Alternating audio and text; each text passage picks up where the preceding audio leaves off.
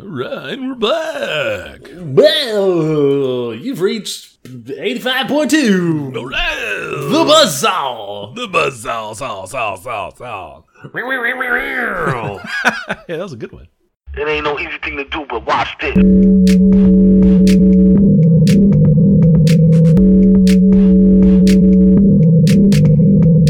Hi, how are you? Can I can I help you with something? How you doing, man?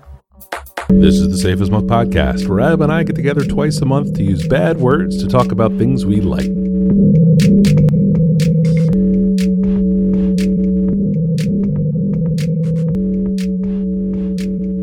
Hey, Adam, Hey, Michael. are you having a drink? I am having a delicious drink tonight. Is it delicious? Is it? Do you still have some, or could it possibly be gone already? There's one fourth of it left in the glass, and I poured a, a big, tall helping. Oh dear. Oh of dear. This, uh, of this bourbon Ricky. Mm. Uh, bourbon Ricky is you may have heard of a gin Ricky. Uh, yes. Bourbon Ricky was the original. What? Gin Ricky is the cousin to the bourbon Ricky, but now the more popular drink. Oh. Um, as I continue my journey on finding more and more ways to make use of all the bourbon in my house. uh, this is this bourbon Ricky uh, is made exactly like a gin Ricky, um, except you substitute, obviously, just like the Kentucky Mule Sitch we were, we were Yeah. talking about recently. Uh, this is uh, a half a lemon juiced. Uh, it is uh, an ounce and a half of bourbon, uh, big tall glass of ice, highball glass preferably, and then top it all off with um, sparkling water. Not wildly different from like the components that are going into a Tom Collins. Yes. Um, Yes. san, sans sans sugar. There is no sugar added. right, because the bourbon's so probably is- sweet enough. It is. Yes. It's very good. Man. I'm about to take another sip. Yep. Uh, Mike, while, while I'm taking another sip, why don't you Hmm. tell me what you're drinking? I'm drinking a Lynchburg lemonade. Uh, if you came of drinking age in the South, it's very likely that you're familiar with this particular drink. Uh, you had it with a shitload of Jack Daniels Old Number Seven whiskey and a glug glug of lemonade, uh, just to make it look a little bit yellow. The fancier version, as advertised on the Jack Daniels website, uh, adds a little more to it. Uh, you get the Jack Daniels Old Number Seven, obviously, uh, a little triple sec, which is a citrus liqueur, uh, some fresh lemon juice to add even more of that tangy, sour lemon bite. And then you top it off with lemonade. Uh, it is refreshing, refreshing, and refreshing. Not quite on the level of the Tom Collins because there's no fizz in it from um, a club soda or a soda water, uh, but it's really, really good. Uh, you know, we have this uh, margarita recipe that we use that's great. It's absolutely dead simple to make. Um, you know, because you can make it after like the fourth pitcher. Like it, it's such a simple recipe that you don't have to really be in your right mind to knock it out. Is that is that coming to a, a, a future show? No spoilers. God. No spoilers, but I want to ask questions because I have God, questions. Yes, it's coming to the future show. But that particular margarita recipe would sit a little heavy in the glass and in the mouth. So a splash of club soda on the top of that margarita really opened it up like a Ooh. like a beautiful and delicious tequila flower. My thought early on the Lynchburg lemonade was that it might also need the same fizz to get it going, but it does not. There's so much ice in the glass and so little actual Jack Daniel's Old Number Seven whiskey that it uh, it, it really makes for a very uh, uh, relatively light and delicious and refreshing drink. nice. Follow up's pretty chill this week, but we're not going to get to that. First, Adam, please tell us the do do love- your do the do the I part. love this fucking curveball, Mike. I love, love you just just catching it. Uh, Mike, I will let the folks know who are listening that we have a couple social media uh, presences that they might want to peep. Uh, at underscore safe as milk is where we at are at on Twitter. Um, on Instagram, we are at safe as milk podcast, and show notes for this show and many more uh, can be found at safeasmilk.fireside.fm. Mike, you want to hit us with that follow up? I do. I have just a, a couple of things here. Uh, Legion, which is a television show on FX that I've talked about a couple of different times. Uh, season three, as we record this, on August 13th, 2019. Uh, the third and final season of Legion just wrapped up last night. We're still behind on it. I think we have two episodes left. Um, show is still visually excellent. Uh, really hard to believe some of that stuff is on TV. Uh, it's really at the forefront of visual um, experiences, I guess, on TV. I wouldn't say visual storytelling because I'm still not 100% sure what's going on all the time. Um, and it doesn't matter because I'm super into it. Um, some unusual twists and turns here as the season rolls on. Uh, this was one that we stuck with. I feel like the first season was pretty solid. Like it was pretty well put together, and the story seemed to make some sense, even if it did get a little weird. Yeah. Came off the rails a bit in season two, but still looked amazing. And as season three has rolled on, getting even further out visually. There are some Do you think how many episodes do you have left? two. You think it's gonna like put a bow on itself, given how kind of abstract the story is? Uh, uh, some of what I have seen online says that it is a terrific ending. So I'm looking Huh. forward to checking it out. Uh, speaking of a nice bow in a series, I had the last issue of Paper Girls, the comic book, uh, came out a couple weeks ago, just just as just before we recorded, I think our last episode. Really nice, nice, well buttoned up. Uh, cherry on top of a very delicious sundae. Uh, I recommend this one again um, to anyone who has not read it. Paper Girls. What do you have? That there? is on my on my list to finish. Uh, I have uh, one follow up, Grand Designs, a show I have talked about previously on here. It is a show from somewhere out of uh, the UK, but it is on Netflix, and episodes show up just like the Great British Bake Off. Episode, uh, sorry, season fifteen uh, just arrived on Netflix, and it is a reminder. It is a kind of extreme architecture and following the build process of self builders or uh, folks that are endeavoring to do things outside of the norm for home design, essentially. Um, so, like building on crazy cliff sides, super modern homes that don't fit into little English shires, everything under the sun. Uh, I really enjoy this show. Nice. Uh, why don't you go first?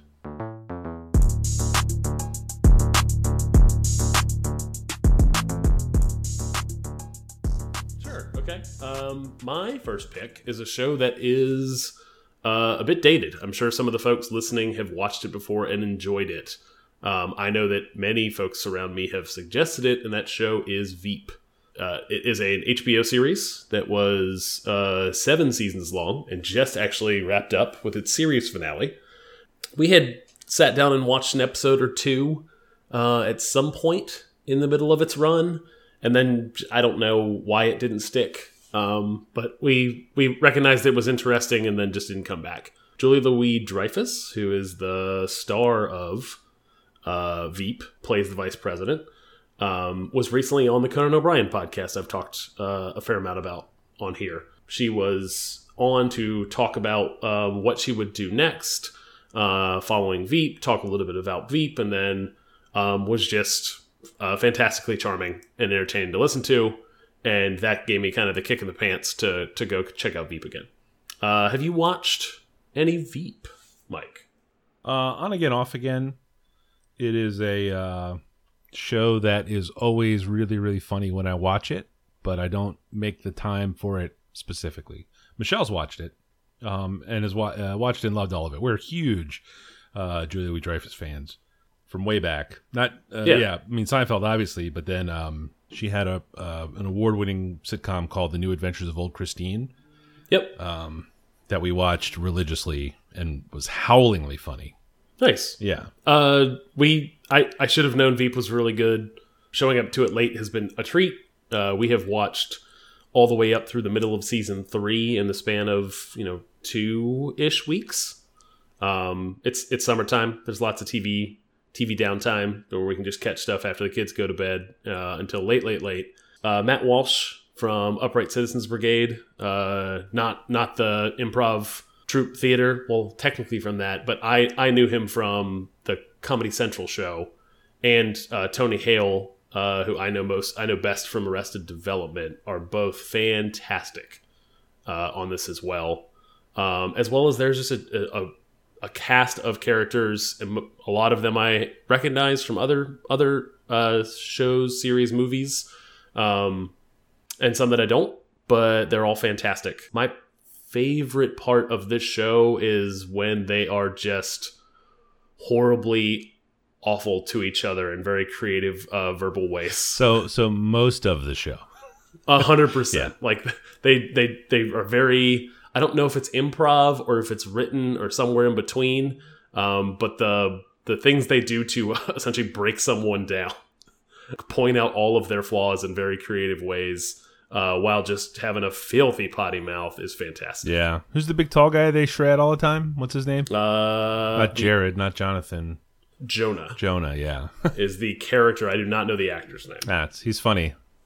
He is very good. Yeah. Yes. Yeah. Nice. I, I was surprised to see that uh, Tony Hale was nominated for like best supporting character, like six out of seven seasons, and won two. I was surprised to see more of the characters weren't nominated for similar or up against him potentially or, or, or other awards. Um, there was a lot of great uh, standout characters on the show. There are a lot of them, yeah. And the seventh season just wrapping up, but I feel like the show's been on for ten years. It had weird gaps, I think, yeah, with her cancer thing and stuff, and then other Correct. other other yeah other schedule deals. yeah. So that's uh, my number one, Veep.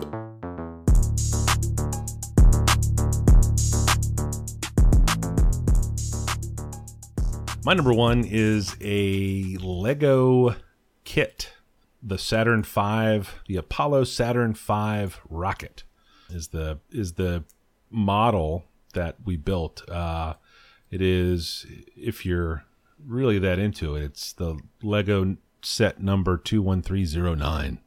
Lego Ideas NASA Apollo Saturn V. Uh, I bought this like a year and a half ago. There was a, I guess it was very popular when it was first released and sold out right away. And I got caught up in the excitement of uh, a restock.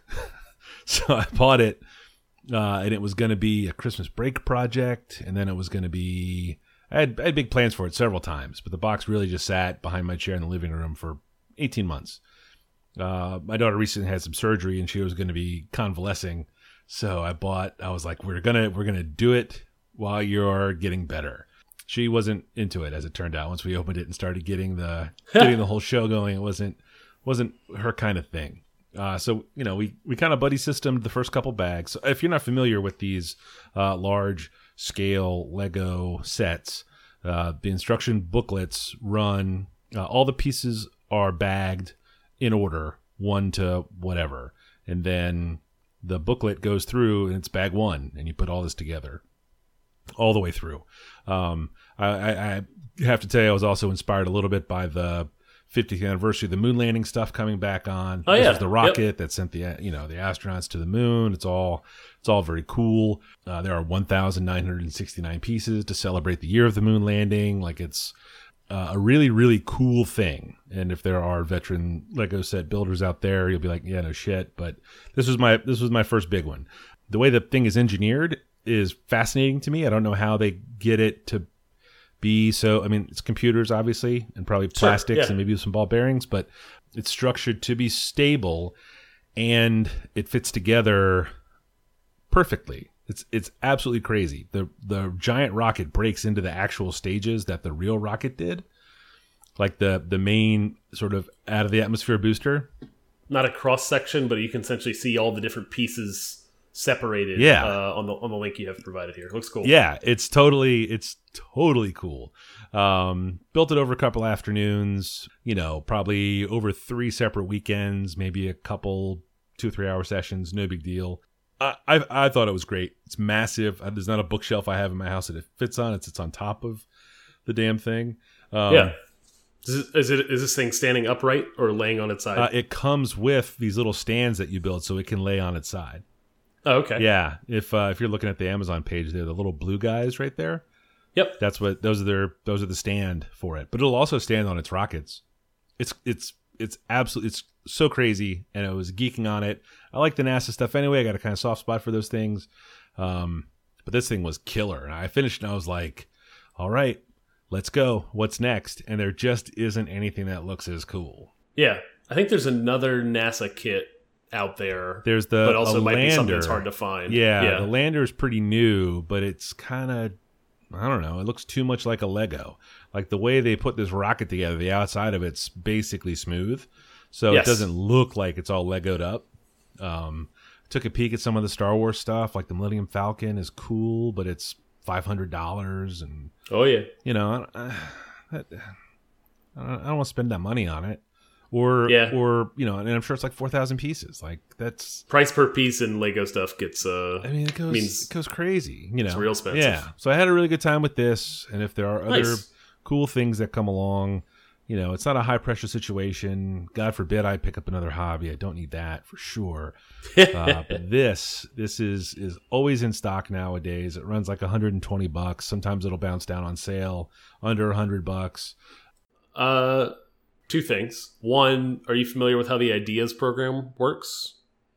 Yes, you submit, right? Correct. Yeah. So this this design was originally submitted by somebody. Yeah. Um, and then what they do is whenever it gets the public votes on what they want to see turned into kits, Yes. Le Lego strategically picks based on that voting what they're going to work on, and then a Lego designer works with the person that submitted the design to essentially Legoify it, like Yeah. all that cool engineering you're seeing. Like they help bring all of that design together. Yes. It's awesome. I, I find that stuff fascinating. Oh yeah, no, I mean it's all, yeah, it's all way out of my. Oh, and there's little light ideas for the engines and stuff. And I'm not Ooh. not buying any of that.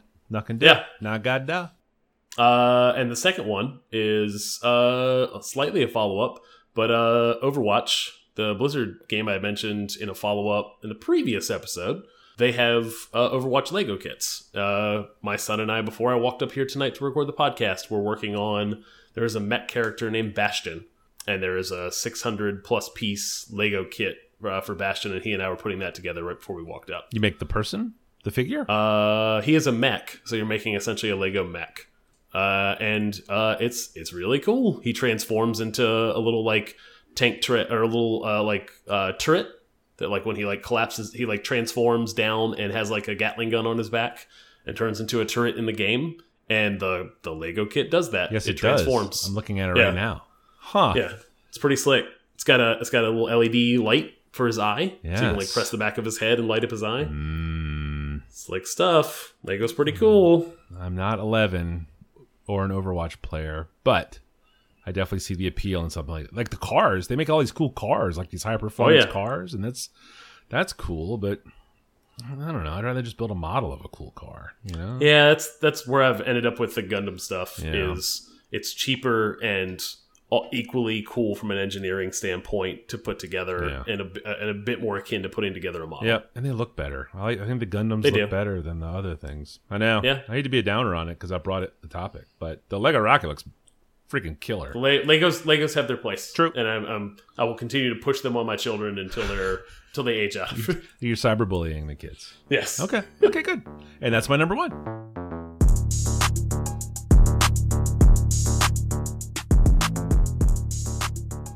Nice. Uh, my second pick this week is uh, an iOS game that has been out for a while. It is Solitairica. Uh, it is a game for iOS. Uh, sorry, is a game for iPhone and uh, iPad, but also I think it's on Android. It's on Steam on the PC. Um, but I was looking for a new mobile game, and I have the iPad Pro just uh, shuffling around the house, and I've been trying to draw more uh, and, and make more use of this thing. I watch a lot of YouTube on it. But Solitairica came across my radar, and it is a uh, card game based on Solitaire, Solitairica, but essentially is Solitaire mixed with like kind of RPG elements. Um, so they're like traditional. You pick a class, so a warrior, a rogue, a wizard, etc. And each of the classes have different spells and abilities. And the way you power up those spells um, is by playing solitaire, by by essentially matching high and low uh, against a monster you're facing. So the monsters you're facing represent the the stack of cards above, and you have to essentially their health pool is the stacks of cards you would play in a traditional solitaire game. So you're flipping a card over, determining what you can eliminate with your cards, or using your abilities that you've charged up from previous rounds to essentially attack a single card and just destroy it if you just want to get it out of the way. Um, the ability to kind of see in the second row, see the second row, reveal the cards that's going to pop up next ev- behind every card. Heal yourself because you have a health pool, and the uh, monsters and creatures you're fighting have abilities as well. It is a very lightweight, uh, just really creative and cool spin on solitaire. it is I find myself uh, jumping in for a single round and then sticking around, and um, it's a half hour later, and I'm just kind of playing solitaire and gaining experience and uh, having a good time. I like playing solid. Can you just play regular solitaire in it? No, you can't. Yeah, and there's that other uh, that other solitaire game that I think I talked about previously from Z- the Zach Gage guy that we like a lot. Yeah. He does like a lot of the. Uh, Is he the hold down guy? No. no, That's he's the, the. guy. I'm not playing that shit. Uh, he made that. He made. He made Pocket Run. That little pool. That pool. That Oh little like yeah, yeah, yeah. creative pool game. Yeah. I think he made really bad chess. I think he has a solitaire game. Really? We can we can cut all this out. Well, you can Um, cut all this. this, is, out. this is a this is a, it's a fun game. Yeah. I think it's like three bucks. Yeah, it's four Um, dollars. I looked at it was really funny. Yeah. I looked at it when I saw you put it in the outline, and then a couple days ago I was like, "Oh, I should try to go play that game." Where did Adam tell me about it? And I was like, "I'm not going back through emails or Slack channels or whatever." I was like, "Ah, I don't remember." Oh well. I guess I'll just play. Uh, it was in the outline the whole time. Yeah. yeah. Um, Flip Flop Solitaire. Zach Gage made a solitaire game that is also equally as fun as all the other games that he's he's put out there.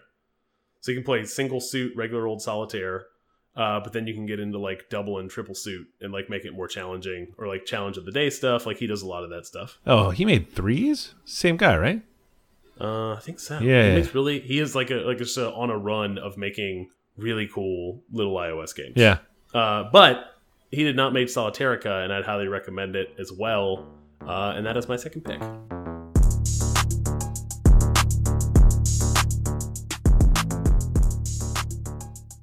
My number two this week is an album by an artist named Daniel Caesar. Uh, this is that recommended R&B album for when I was talking about Lizzo, my lack of R&B Yeah. knowledge a couple of episodes Oh, ago.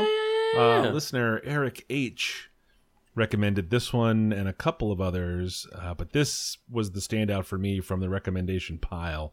Uh, the album is Case Study One. Uh, I like it very much. The song I would recommend is "Love Again," uh, a duet with Daniel Caesar and Brandy.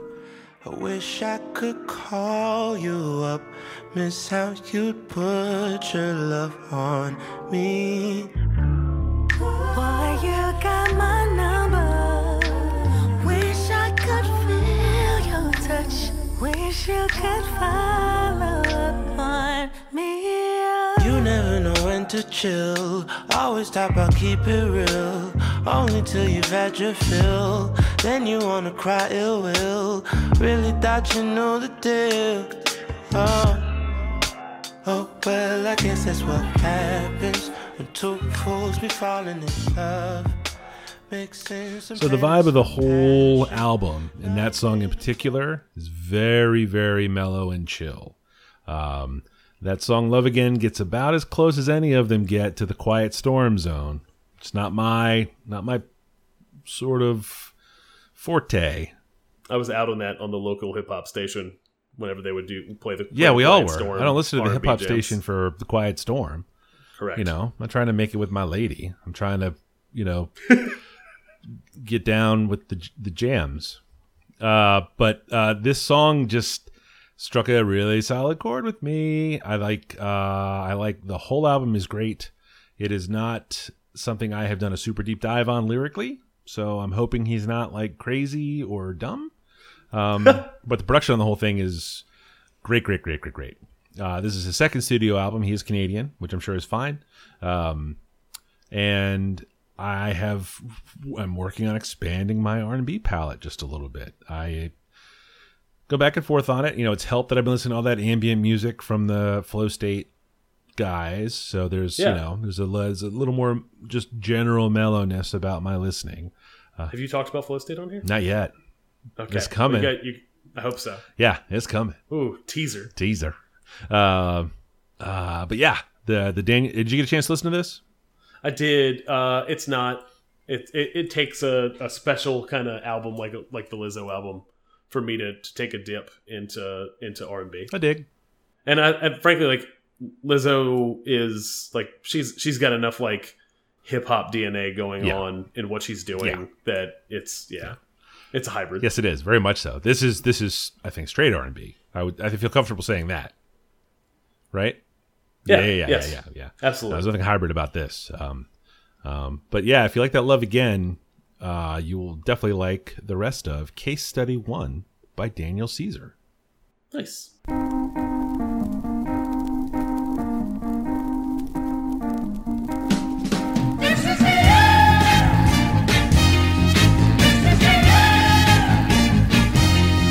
Mike, Adam, where can folks find you on the internet? I am at Falfa all over the place. That's F A L F A dot com on the gram and the tweets. Where are you?